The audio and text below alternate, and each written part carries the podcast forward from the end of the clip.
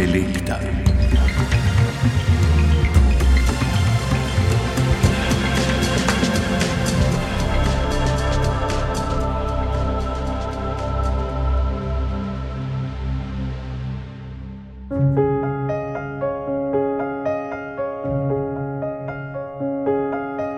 Spoštovane poslušalke in poslušalci, današnja oddaja intelekta bo govorila o smislu življenja.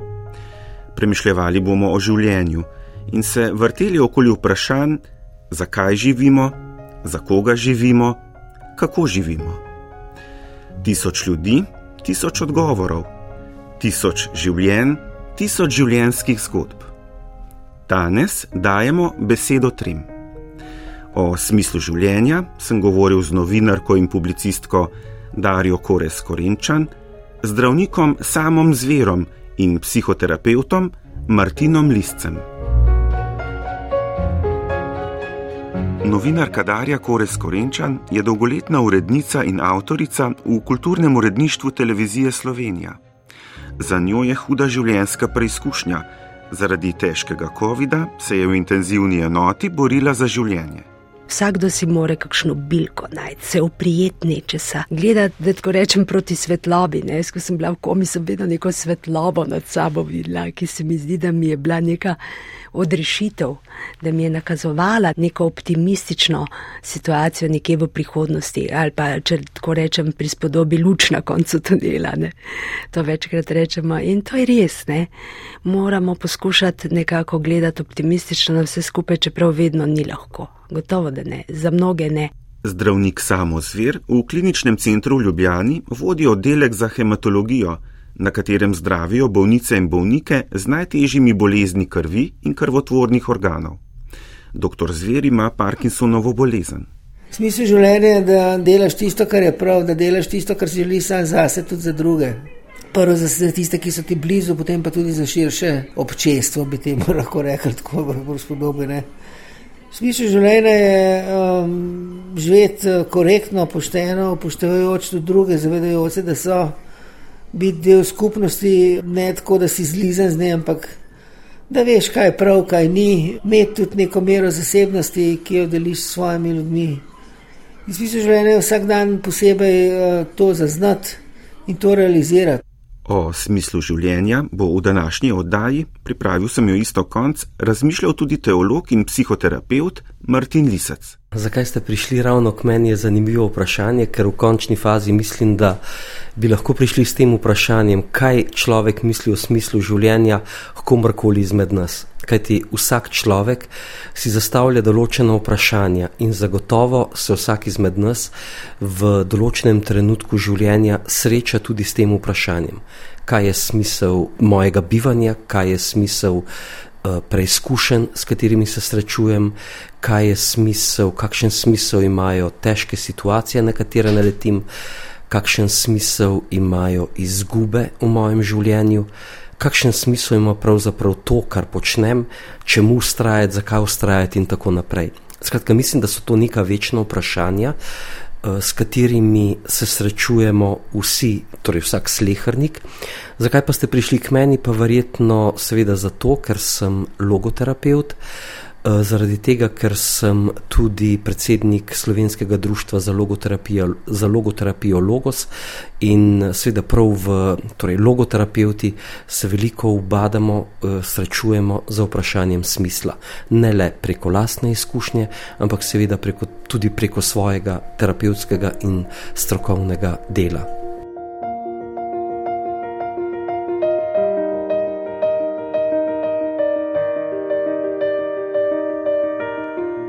Življenje novinarke Darje Kores Korenčan se po letu in pol uspešnega okrevanja po težkem COVID-u vrača v utečene ustvarjalne tirnice. S polnim zamahom nadaljujem svoje delo na televiziji Slovenija. To me eh, notranje izpolnjuje in bi rekla, da sem zadovoljna, da se je vse skupaj obrnilo tako, da se ni kaj preveč še zapletlo. To sem nekako prebrodila, vse skupaj, kar se mi je dogajalo in uh, zdaj grem naprej. teh dneh ravno bo šel moj novi roman za obzidjem, potem pa seveda me izpolnjujejo tudi kakšne drobne. Drobne radosti, vsak dan se mora človek, se mi zdi, veseliti eh, nekih takih drobnih stvari, da je zdrav, da lahko gre naprej in uh, da ni uh, morda tisto, kar je doživel, postilo takih posledic, ki bi ga vse čas nekako pahnile v depresijo ali kaj podobnega. Ne? To je pa težko.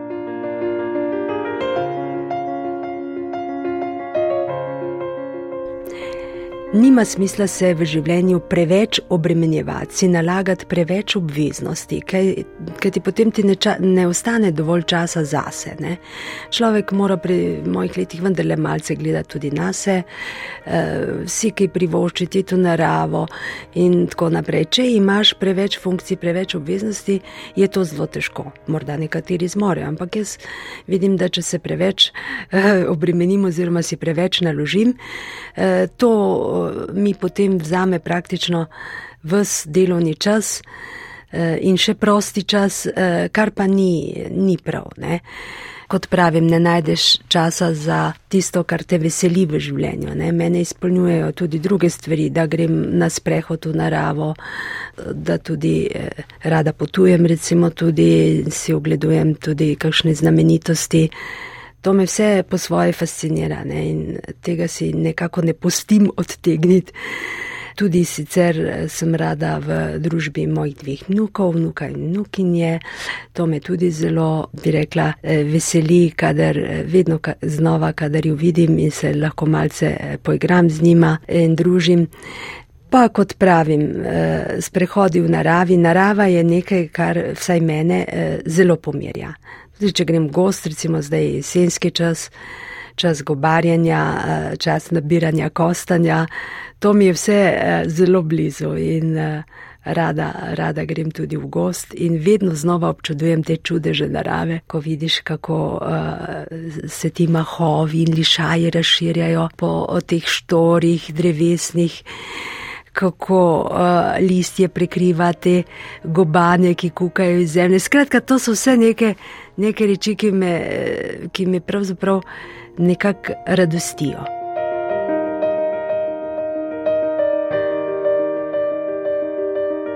Kako gledam na negativne dogodke okrog sebe, vse vemo, veliko jih je, ne? okrog nas je bil ta COVID, zdaj je ta recimo vojna v Ukrajini ta grozna reč, ki me ne pusti ravnodušno, vse čas razmišljam tudi o tem, kako je mogoče, da se v 21. stoletju na tak temačen način ponavlja zgodovina, žal.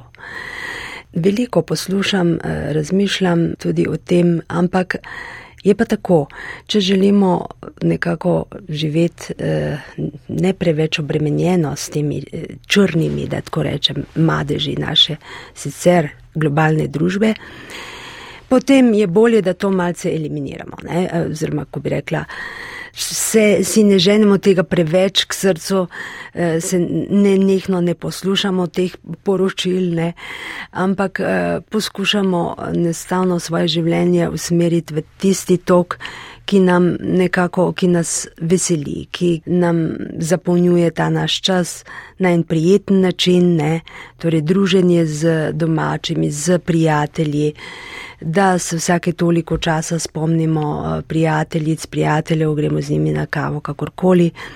Poklepetamo. Skratka, ta uh, socializacija je pomembna, seveda, ne moramo biti čist introvertirani in v svojem okolju domačem samo ustvarjati. Mislim, da so kontakti pomembni. Darja Kores Korenčan pravi, da bi si vsak lahko natisnil različne modre misli, tudi o smislu življenja.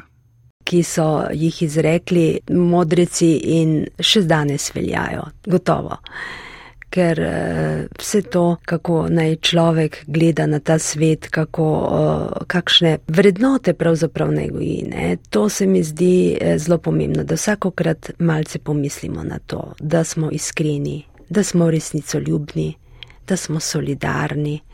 Da nismo nestrpni, nestrpnosti je namreč zelo veliko dan danes, žal. Moramo imeti en uh, prijazen dialog, eno uh, sprejemljivo komunikacijo, koliko toliko vsaj uglajeno. In to pogrešam, to uglajenost, to, to čuječnost, uh, to se mi zdi, da se vedno bolj izgublja. Da te vrednote so postale res tako oddaljene, uh, svetovna leta daleč, uh, kar je zelo žalostno. Tega bi si več želela med ljudmi. Ne?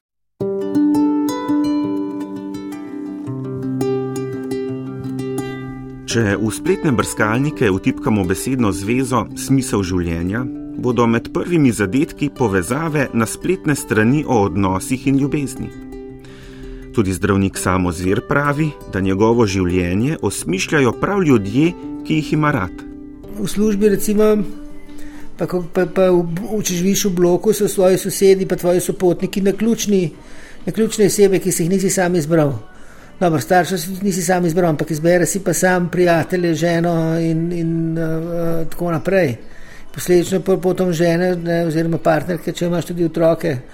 In to so tisti ljudje, za katere je vredno živeti. Ne. Te treba imeti vedno na prvem mestu. Kljub temu, da, da delaš službo, ne, ne smeš pozabiti na nje. Meni moram reči, da doskrat mi to ni čisto uspelo, sem doskrat samo delal nisem zmogel, da bi se ustavil, pa se umiril, oziroma okrog sebe, kaj se dogaja z mojimi najljubšimi, ne, predvsem otroci. Ne. Tudi zdaj, ne, z, z, z Saro, dostkrat ne, ne najdem časa ali pa si nakopljam neko obveznost na račun najnega prostega časa in tako naprej. Tako da je tudi trpinčem na nek način na ta, na, iz tega naslova. Tako da, dostkrat v želji mogoče narediti tisto, kar je prav za nekoga drugega, pozabimo na, na svoje bližnje, kar ni prav. Ne. Tako da tega sigurno meni manjka. No. Prav probujem popravljati, ampak um, težko gre. No, ja, težko gre. Ko se enkrat navadiš, je težko spremeniti prioritete, čeprav se pa da vsaj potruditi.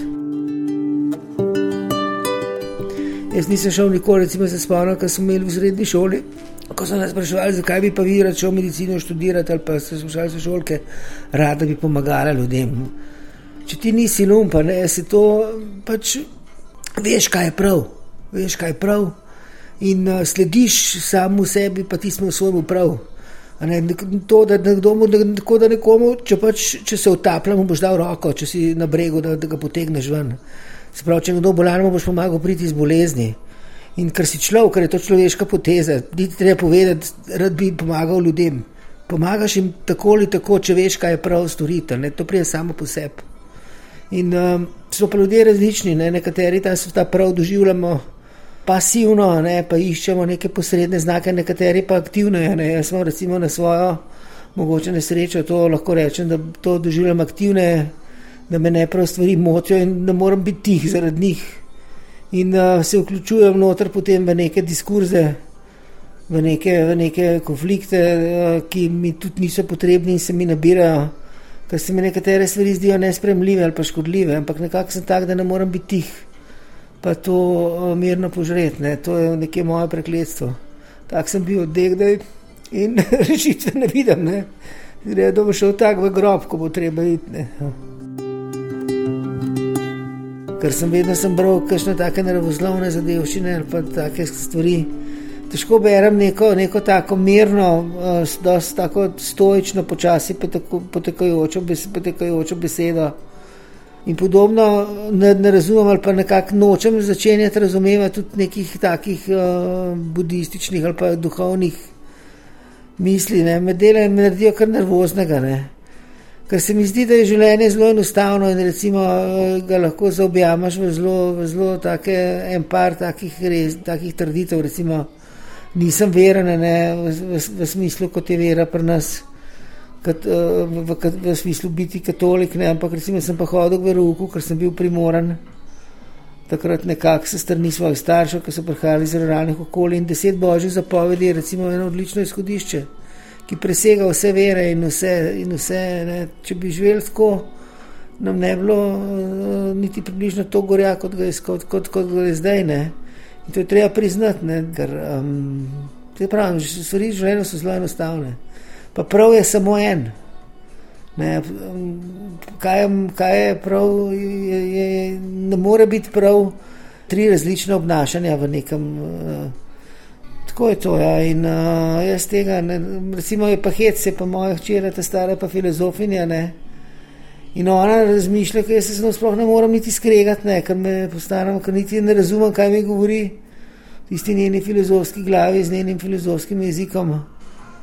E, in mi dela strašno nervoznega, pa še hitro govori, tako da je niti slediti ne morem motorično z jezikom z mislimi ne morem slediti, ne, ker ne razumem teh njenega filozofskega jezika kot naravoslovec, tako da imam same težave. Ne, in se sprašujem, odakle je pa to ona dobila te, te, te, te gene, ne, ki, ki niso prav za me značilni, ne, če niso prav za me značilni. Čeprav A pa stvari lepo napisati, kot jih znam tudi jaz, kaj napisati. Meni men, recimo rado odleže, če eh, se mi zdi tako ultimativna, ultimativna stvar, če me kaj res moti, da napišem nekaj o tem, ne? pa da po, obvestim tudi druge, kaj si mislim o nečem, pa upozorim na nekaj, kar ni prav.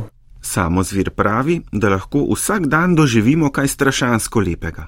Čast je ne vem, nek objem ali pa na dobro kosilo z nekom, ki ga imaš blizu, nekaj neznansko lepega, pa si srečen, da ne moreš biti bolj. Ali pa če se stisneš komu, ki ga imaš rad po noč, pa tako naprej, to napolni srečo. Drugič je pa to recimo rojstvo otrok, ki je pa tudi absolutno emocionalen dogodek, ampak v obeh primerih si poplavljen z nekimi hormoni, pa, pa, pa, pa, za, pa za ugodjem, pa za občutkom sreče. Tako da težko reči, da si bolj srečen, recimo, ko si ti rodil otrok, kot, kot v enem takem momentu, ki sem jih prej opisal. Težko reči, ker na obeh stvareh si lahko neznansko srečen in če nekaj neznansko ali pa neskončno, je neskončno srečen, ne mogoče tako reči. In mi moramo iskati v življenju tiste vsak dan to srečo, ki, ki, ki je v nas. Samo videti jo je treba, ne? tako pa se iščemo za, za izhodišče, iskati slabe stvari. Ne? Kako uni je grdo počasan, kako ima odpet gumb na hlačah, kako ima grde čevlje. Lej, zakaj ne rečemo, je pa fej človek. Lepo govori, prijazen je, vlikan. Ne, recimo, ne, išmo, išmo lepe stvari v ljudeh, pa v okolici, v naravi, pa v stvarih okrog nas ne slabe. Poslušalke in poslušalci, v današnji intelekti z gosti Darijo Kores Korenčan samom zverom in Martinom Listcem razmišljamo o smislu življenja. Zdaj prisluhnimo še teologu in logoterapeutu Martinu Listcu. Logoterapija, imenovana tudi tretja Dunajska šola psihoterapije, torej prva Dunajska šola psihoterapije je psihoanaliza Sigmunda Freuda, druga je Adlerjeva individualna psihoterapija in tretja je logoterapija Viktorja Frankla. Zdaj, seveda, če hočemo razumeti logoterapijo, moramo vsaj v nekem grobem obrisu razumeti oziroma poznati tudi življenje Viktorja Frankla. Živo je v loku 20. stoletja od leta 1905 do leta 1997. Bil je rojen na Dunaju in eh, tako, če pogledamo njegovo življenje, pravzaprav vidimo, da je bil zelo uspešen pri svojih 32-35 letih, je imel pred seboj krasno kariero, bil je predstojnik psihiatričnega oddelka Dunajske klinike, imel je urejeno osebno življenje, poročil se je in pa imel je tudi nek ugled v takratni družbi. Hkrat, skratka, če tako pomislimo, človek pri 35 letih vse je imel na pladnu. Potem pa se je zgodilo nekaj, kar je bistveno zaznamovalo njegovo življenje, na kar pa ni imel pravzaprav nobene, nobene možnosti odločanja. Zgodila se je druga svetovna vojna in on je bil jud. Pristal je v koncentracijskem taborišču, tudi njegovi domači, in ko so ga potem leta 1945 osvobodili, je ugotovil, da, torej, da so v taborišču umrli vsi njegovi oče, mama, brat in tudi žena, da je preživel edino on. In po tej tragični izkušnji je pravzaprav ugotovil, da smo ljudje ena taka zelo zanimiva bitja da smo namreč sposobni preživeti vsako, objektivno gledano, še tako težko življenjsko situacijo, če v njej najdemo nek svoj smisel. Skratka, mi smo tisti, ki določamo pomen stvarnosti, ni smisel nekaj, kar prihaja od zunaj. In od eh, tam naprej, torej že od njegovega predhodnega eh, strokovnega dela, pa tudi na podlagi te osebne izkušnje, je seveda potem vse svoje življenje, življenje posvetil raziskovanju smisla in pomoči ljudem pri odkrivanju življenjskega smisla. Smisel življenja je pravzaprav nekaj, s čimer se srečujemo vsi ljudje. Učenka Viktorja Frankla, Elizabeth Lukas, pravi, da je smislom nekako tako, kakor z zrakom. Dokler ga je dovolj, dokler ga ne, primaku, ne primankuje, dokler imamo uh, pač dobro pljučno kapaciteto, se sploh ne zavedamo, da zrak vdihujemo. Zrak začnemo pogrešati šele takrat, ko imamo neko dihalno stisko. In ravno tako je tudi s smislom. Ne sprašujemo se v smislu življenja, navadno do trenutka, ko življenje pač preprosto teče. Ko pa se zatakne na tak ali na drugačen način, takrat se pa zastavimo ta temeljna bivanska eksistencialna vprašanja. Viktor Frankl je rekel, da se vsak izmed nas srečuje s tako imenovano tragično triado, s tremi resničnostmi v življenju, ki uh, zastavijo oziroma k človeka postavijo pred eno veliko preizkušnjo. In ta tragična triada po Franklu so um, krivda, bolečina in smrt. Skratka, občutki krivde, s katerimi se srečujemo ljudje, gre pravzaprav za neke dejanja, za neka dejanja, za neke dogodke iz preteklosti, ki negativno ali pa zelo negativno vplivajo na kakovost našega bivanja v, sekdanj, v sedanjosti. Skratka, krivda je vedno nekaj, kar je vezana, vezano na preteklost. Krivda je vedno nekaj, kjer prepoznavamo tudi svoje, os, svojo osebno odgovornost. Torej, krivda bolečina je nekaj, kar je vezano na ta trenutek našega bivanja. Skratka, gre za bolečine, za stiske, s katerimi se srečujemo v vsakdanjosti. Smrt je pa nekaj, seveda, kar je vezano na prihodnost. Ne, smrt v dobesednem pomenu besede, pa tudi smrt v simbolnem pomenu besede. Skratka, vsi strahovi pred tem, kar nam prihodnost prinaša, vse anksioznosti. In ta tragična triada, torej krivda, bolečina, smrt, pa povzroča v našem življenju veliko trpljenja. In ravno takrat, ko se zgodi trpljenje, to pomeni, ko se zgodijo izgube, ko se zgodi to trpljenje, takrat se z vso ostrino postavi to vprašanje smisla. Zdaj, smisel seveda ni nekaj, kar bi mi našli nekje zunaj, ampak smisel je nekaj, kar vsak izmed nas nosi v sebi, je naloga slehrnika, da ta smisel trenutka, tistega trenutka, poišče v sebi in je seveda naloga vsakega izmed nas, da se eh, torej potem, ko prepozna nek smisel, eh, tudi dokoplje do nekih moči, da ta smisel resniči potem v svojem življenju. Odkrivanje smisla je zato torej zelo individualna naloga, ampak po drugi strani pa seveda tudi zelo zahtevna naloga kajti v ekstremno težkih situacijah, naj si bo izgub, naj si bo uh, nekih notranjih zlomov, je seveda težko poiskati, zakaj je ta situacija za me na koncu dobra, in pa seveda, kakšen smisel naj prepoznam v nekaterih zelo težkih, težkih situacijah. Ko govorimo mi o smislu, govorimo o duhovni dimenziji človeka. In Frankl je zelo poudarjal, da je tista. Torej, da je prav ta duhovna dimenzija človeka, v katero sodijo vrednote, predvsem eh, vrednota svobode, vrednota odgovornosti, vrednota smisla, da je pravzaprav to tisto, kar je specifično za človeka, to pravi ta duhovna dimenzija. In tri eminentne poti so za uh, odkrivanje smisla življenja. Najprej so to ustvarjalne vrednote. Ne, to so tiste vrednote, kjer odkrivamo svoj osebni smisel, svojo dejavnostjo, svojo ustvarjalnostjo. Frankl je temu re, rekel najti odgovor na vprašanje, zakaj živim, živeti za nekaj, živeti za neko svoje poslanstvo. Potem drugo tako polje odkrivanja smisla so doživljajske vrednote. Skratka, gre za vzpostavljanje lepih, kakovostnih medosebnih odnosov, gre za ustvarjanje lepih doživeti. Eh, in eh, Frankl temu pravi, najti odgovor na, pri, na vprašanje, za koga živim. Če smo prej rekli, zakaj živim, je zdaj tukaj vprašanje, za koga živim. Živeti torej za nekaj ali za nekoga. Tretje polje ali pa tretja pot pa so tako imenovane vrednote stališča. Te pa pridajo v poštev še posebej v težkih življenjskih situacijah, ko ljudje ne moremo spremeniti zunanjih okoliščin, kar pa lahko naredimo, lahko pa spremenimo stališče, lahko spremenimo odnos do stvari, ki jih ne moremo spremeniti. Recimo, neka življenjska izguba.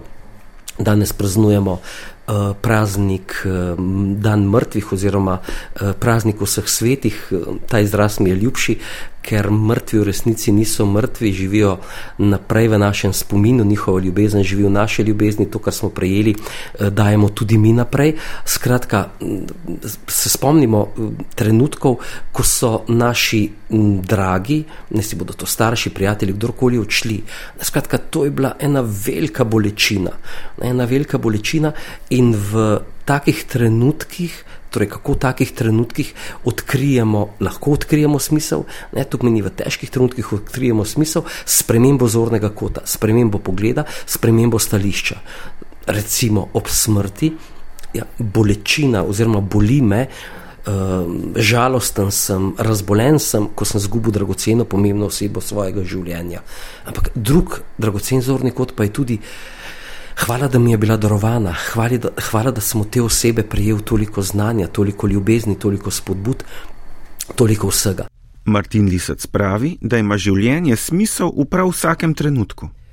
Žalostnih dogodkov je v mojem življenju ali pa težkih dogodkov, ki niso bili nujno samo žalostni, ampak se vemo, da v težkih trenutkih je žalost eh, navadno zgolj ena od. Um, od eh, eno od čustev, od močnih čustev, ki jih takrat doživljamo.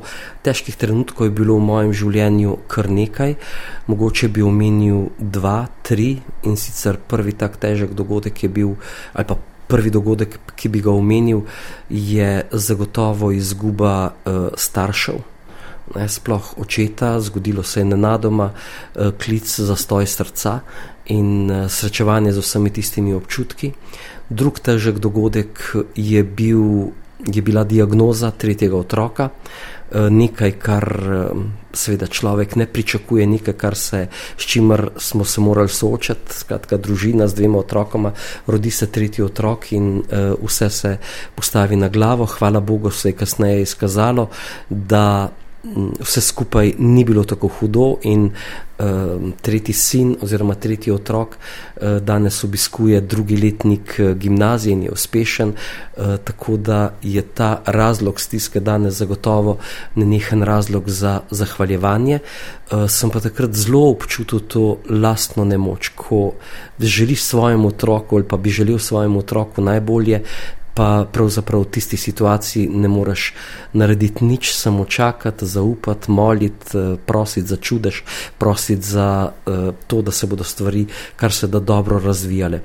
Tretji tak dogodek so pa seveda neki drugi življenjski zlomi, ne vem, ločitev. Um, prehajanje iz ene službe v drugo službo, kar sicer niti ni bilo tako zahtevno, ampak vsi ti prehodi pravzaprav človeka na nek način zaznamujejo in utrdijo. Jaz moram danes reči, da sem hvaležen za vse, kar se mi je na poti življenja dogajalo. Po vseh teh korakih, po vseh tudi stiskah, premaganih stiskah, uh, sem to, kar danes sem. Uh, Eh, na podlagi vsega tega, kar sem živel, kar mi je bilo darovano, razvijam svoje poslanstvo. Verjamem, da je prav v teh osebnih izkušnjah veliko tistega, kar lahko danes dajem drugim in iz česar lahko črpam tudi sam. Ko pa se ozrem svoje življenje, pa to pa mislim, da bi lahko uh, tako in tako vsak izmed nas rekel. Je pa tako, ne, da je moje lastno življenje, pravzaprav, ko pogledamo na ta lok prehojene poti, uh, najboljši dokaz, da se smisel življenja da odkriti, da ga je mogoče odkriti. Mislim, vsak izmed nas kaj še danes tukaj, je najboljši dokaz za to. Skozi toliko muk, skozi toliko stisk smo šli, pa še vedno smo tukaj, ni nas zlomilo. Skratka, smisel življenja je torej nekaj, kar lahko odkrijemo, ni vedno lahko, je pa nekaj, kar na koncu vodi um, k neki človeški zrelosti, k neki notranji moči pa hkrati tudi k neki spodbudi za druge. Kaj ti, gledajte, vedno, ko vidimo nekoga, ki ustraja, ki zmore, ki se bori, ki se ne preda, tak človek postane hote ali ne hote zgled in potem se vprašamo, um, ja, sej, če je pa on lahko, potem bi lahko tudi mi. Kaj pa je zate smisel življenja? sem vprašal svojo mamo. Odgovor je preprost, mi je odgovorila. Smisel življenja je živeti s tabo, s očetom, vsak dan in iz dneva v dan. Tako preprosto je to.